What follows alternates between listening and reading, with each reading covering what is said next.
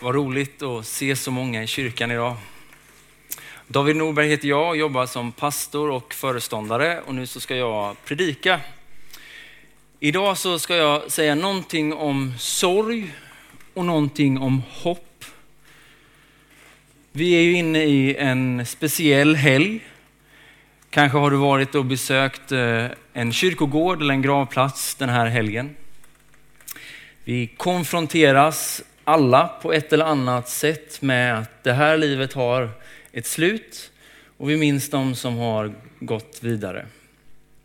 Det här kan vara en sån där helg där man möter sorgen. Jag tror också att det här kan få vara en helg som är fylld av hopp. Så någonting om sorg och någonting om hopp. Den här helgen så har eh, vår familj varit på Solna kyrkogård. För där ligger min frus pappa. Han heter Torsten och han gick bort för några år sedan. Eh, vi brukar alltid ha en fin stund eh, på alla helgona. Samlas där med barnen och med Saras familj. Vi brukar fika tillsammans, vi ber en stund, ibland sjunger vi en sång. Och min äldsta son brukar säga att vi vi går till morfars trädgård. Vi brukar också försöka påminna oss om Torsten och hur han var. På hans gravsten så står det kroppsarbetare Torsten Norberg. Och det där är ett skämt. Han var nämligen läkare hela livet. Och han hade väldigt svårt för titelsjuka. Så det är han som har bestämt på min grav ska det stå kroppsarbetare Torsten Norberg. Och det skrattar vi åt när vi möts. Den där stunderna som vi har tillsammans, det är helt klart stunder som är fyllda av sorg och saknad. Det är stunder som är fyllda av tårar och längtan. Men det är också på något lite konstigt sätt också stunder som är fyllda av hopp det måste inte alltid vara så, jag kommer till det. Men för oss är det så, de där stunderna är fyllda av både sorg men också om hopp. Så först någonting om sorg. Det är lite läskigt att stanna vid sorgen. Vi vill väldigt, väldigt gärna leva sorglöst, men det är väldigt få som går igenom hela livet sorglöst. Sorgen drabbar oss oftast på ett eller annat sätt. Jag läste en artikel igår i DN. De gjorde en, en lång intervju av Birger som har jobbat som begravningsrådgivare i 40 år. Han konstaterade lite krast att svenskar vill inte konfronteras med att livet har ett slut. Det där är något som skaver hos alla människor. Och särskilt kanske hos oss i väst. Vi vill helst liksom sopa döden och lidandet under mattan. Jag har en, eh, en liten spaning och det är att det är väldigt få barnböcker idag som tar upp död eller lidande. Ni vet Rödluvan, hon som blir uppäten av vargen.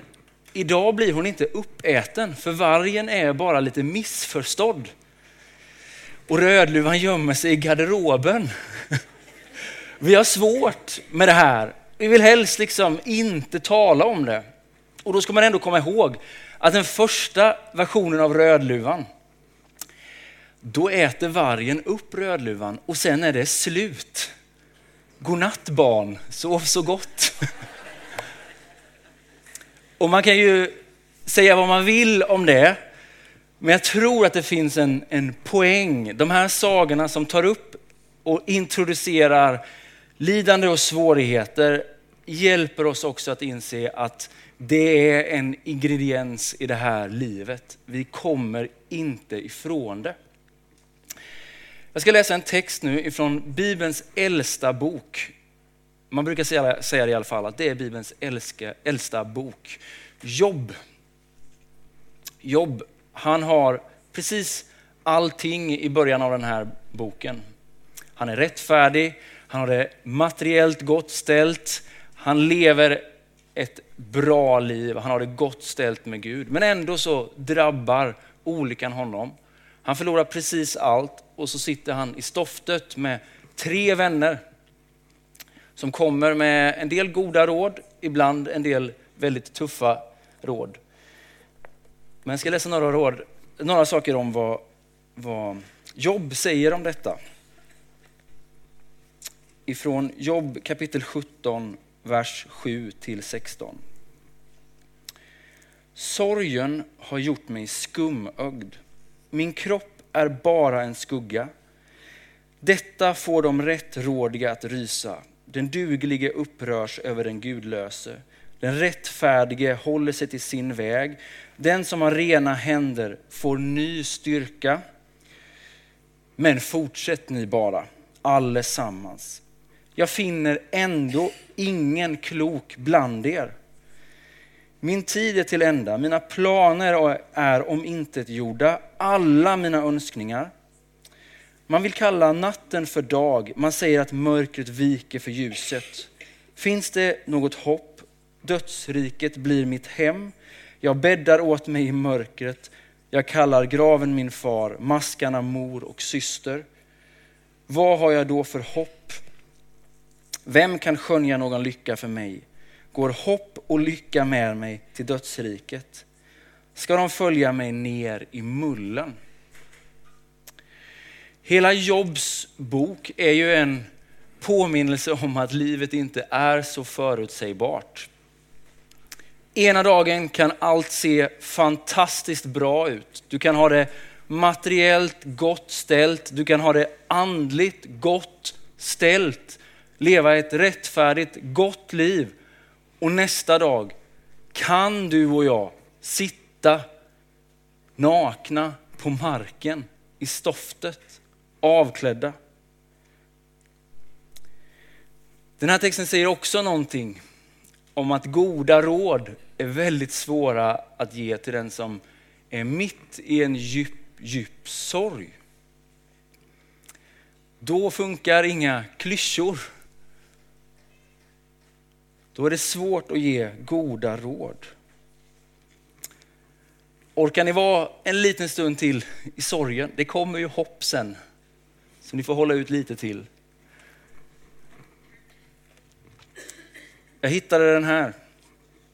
En liten bok som heter Anteckningar under dagar av sorg. Det är en bok skriven av C.S. Lewis, en av 1900-talets absolut mest skärpta intellekt. Han var en fantastisk författare, han har skrivit Narnia-böckerna men också skrivit otroligt mycket god kristen litteratur. Jag rekommenderar alla hans böcker, men vänta med denna. Du behöver inte ta den först. För den här är speciell. Han skriver den eh, ganska direkt efter att hans fru Joy dör i cancer. Anteckningar under dagar av sorg.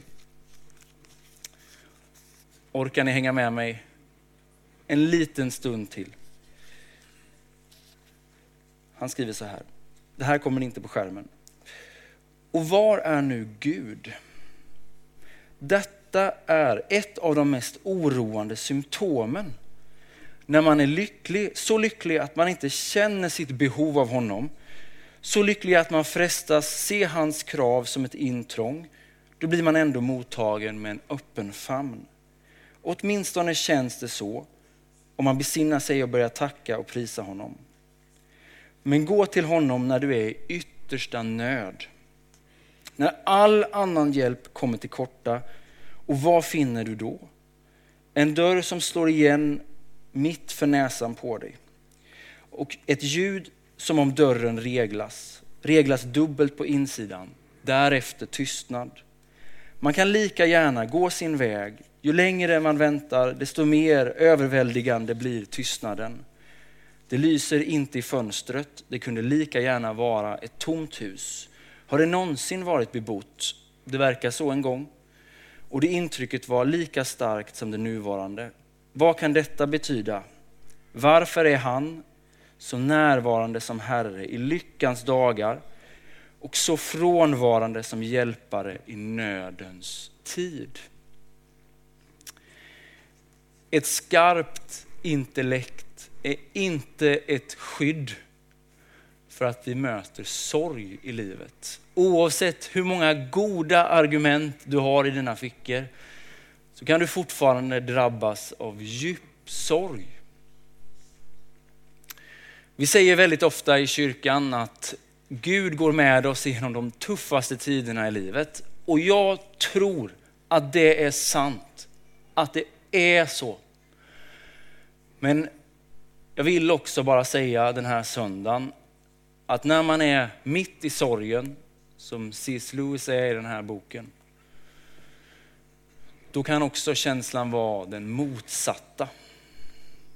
Ett stängt hus, att dörren är reglad, att det är tyst.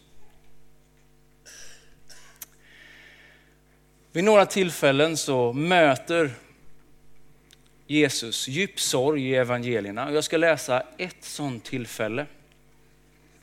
Det är när Jesus möter Marta och Maria precis efter att deras bror Lazarus har dött. Har ni med era biblar så finns det i Johannes evangeliet kapitel 11. Och jag kommer inte läsa precis hela stycket, utan jag läser ett, ett urval. Men, men historien bakom är att Lazarus, en nära vän till Jesus, har dött. Och så kommer Jesus dit. Jag läser från vers 17. När Jesus kom dit fann han att Lazarus redan hade legat fyra dagar i graven.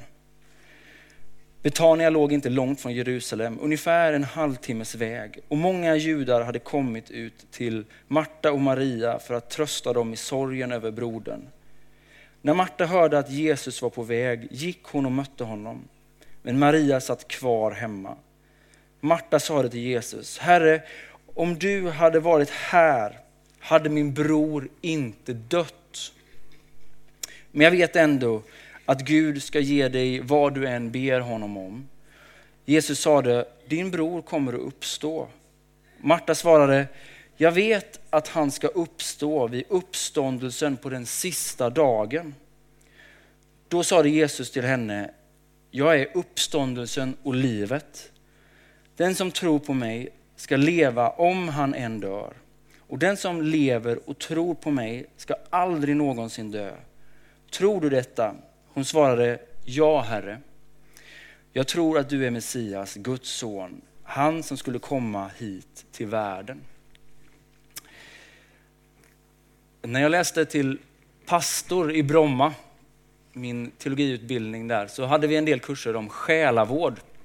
Och jag kommer inte ihåg allt, men jag kommer ihåg två saker vad som är viktigt i ett möte när man möter människor i sorg. Det första är att vara närvarande. Det är inte så lätt att ge goda råd. Det är inte så lätt att säga någonting som lyfter hela situationen, men närvaron är väldigt, väldigt viktigt.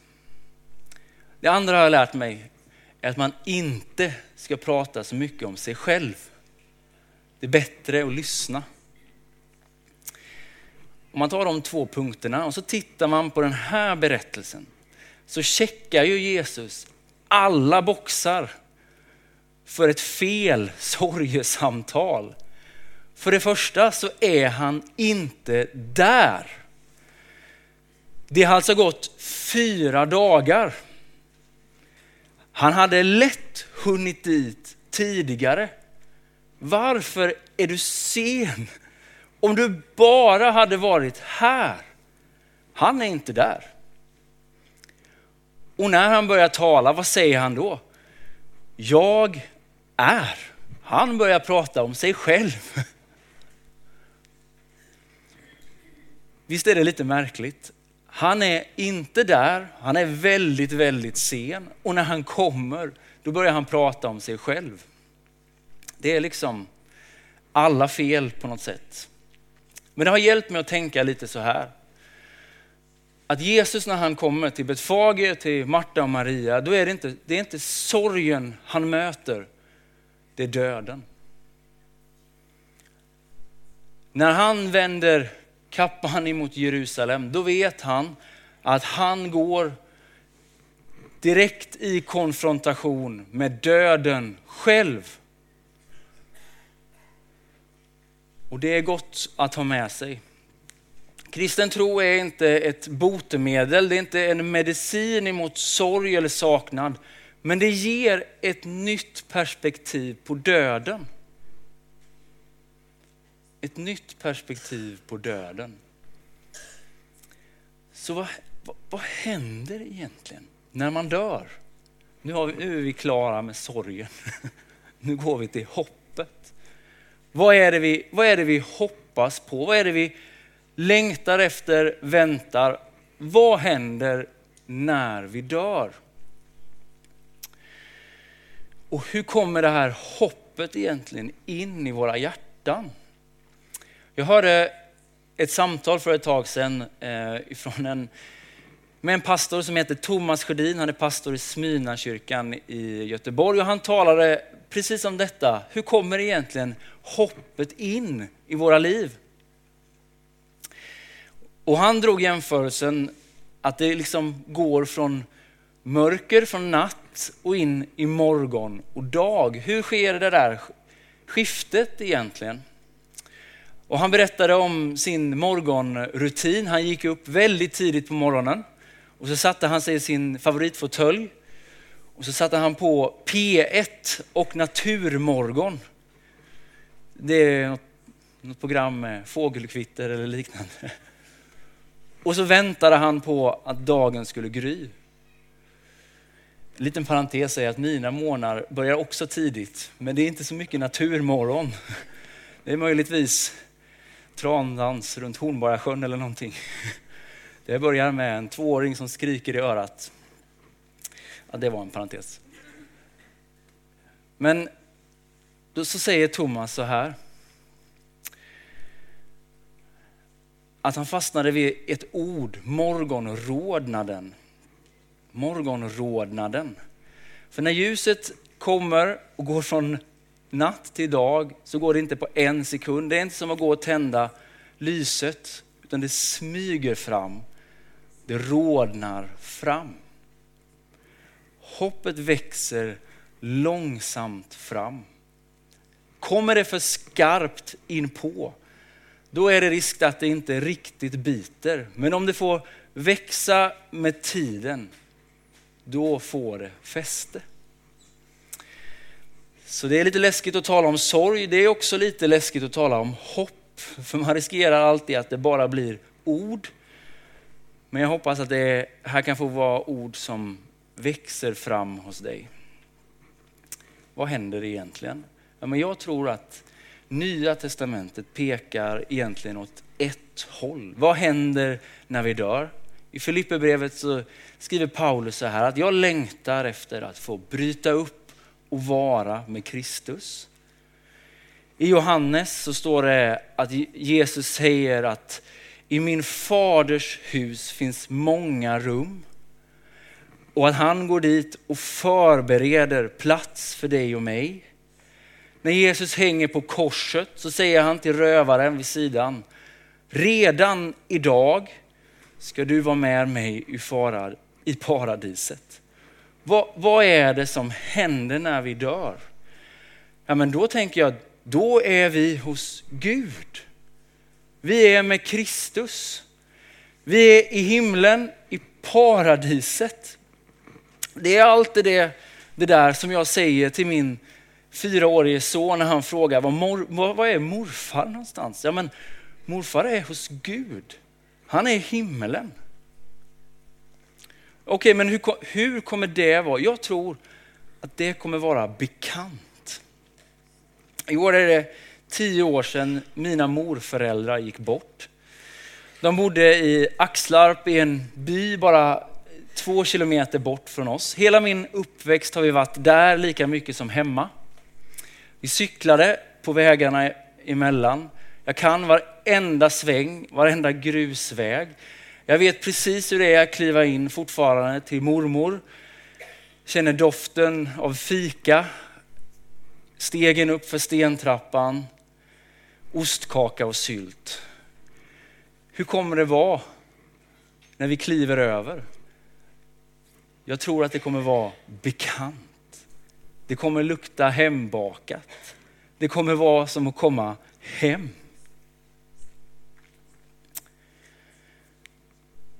Men sen så säger faktiskt Jesus inte att himmelen är slutmålet. När Maria och nu då Marta som vi läste om möter Jesus, när han kommer till dem i den här djupa sorgen, så talar Jesus inte om himmelen. Marta hon talar om uppståndelsens dag. Och Jesus säger inte att han är himmelen, han säger att han är uppståndelsen och livet. Vårt yttersta hopp är inte en kroppslös tillvaro i den stora änglakören, utan det är en ny himmel, en ny jord. Uppståndelsens dag när Jesus ska komma tillbaka, när han ska göra allting nytt. Han har redan vunnit över döden. Dödens udd är borta. Men då, på den dagen, ska död inte finnas mer. Det är precis det som Elisa läste om i början av gudstjänsten. En ny himmel, en ny jord. På den dagen så vinner inte Jesus bara över döden, utan han vinner också över sorgen i ditt och mitt hjärta. Han ska torka varenda tår. Då vinner han också över sorgen. Jag skulle vilja ta med er i en, i en bön nu. Under tiden jag ber så kan, kan eh, musikgänget få göra sig redo. Jag skulle vilja be för dig som är mitt i den djupaste sorgen. När inga klyschor eller goda råd hjälper. Jag vet det. Men jag skulle vilja be att hoppet och sorgen åtminstone kan få gå hand i hand. Och så vill jag be för dig som kommer hit lite mer obrydd den här söndagen. Min bön är att den här predikan ska få vara en, på något sätt en uppmuntran också att ta vara på de dagarna du har kvar. Sätt ditt hopp till någonting som inte är förgängligt. Sätt inte ditt hopp till något som kan tas ifrån dig. Din familj, din karriär, ditt jobb, dina tillgångar. Sätt ditt hopp i något större. Vi ber. Herre, du ser den som står i den djupaste sorg denna söndagen, Herre. Där sorgen och saknaden talar högre än alla andra röster, Herre. Du ser smärtan, Herre. Du känner igen den, Herre. Du har själv vandrat här, du vet, Herre. Men det är inte alltid så vi känner, Herre. Jesus, jag ber om att ditt hopp skulle få lysa upp, Herre. Att sorgen åtminstone skulle få gå hand i hand med hoppet. Ett annat perspektiv på döden, Herre. En längtan efter att få se den där kära familjemedlemmen en gång till. Jesus, jag tackar dig Herre för att döden inte har sista ordet Herre. För att ditt hopp Herre, det bär oss i det här livet Herre. Det bär oss också över döden Herre. In i din famn Herre. In i ditt rike Herre. Jag tackar dig för hoppet Herre. Att du ska göra allting nytt Herre. Jesus, låt ditt hopp Herre få vandra hand i hand Herre. Och så ber jag Herre för den som kommer mer obrydd i den här gudstjänsten Herre. Fyll oss Herre med, med tro och hopp Herre. Lär oss som det står i Saltaren att våra dagar är få Herre. Låt våra hjärtan finna vishet i detta Herre. Hjälp oss att sätta vårt hopp Herre till det som håller i längden Herre. Hjälp oss att, att inte fokusera allt för mycket Herre på det som en dag ska tas ifrån oss, Herre. Utan sätt vårt hopp, Herre, till den som har vunnit över döden, Herre. Jag tackar dig, Herre, att du är uppståndelsen och livet, Herre. Det är det vi får hålla i, hoppas på. Uppfyll våra hjärtan med ditt ljus, Herre. I Jesu namn, Amen.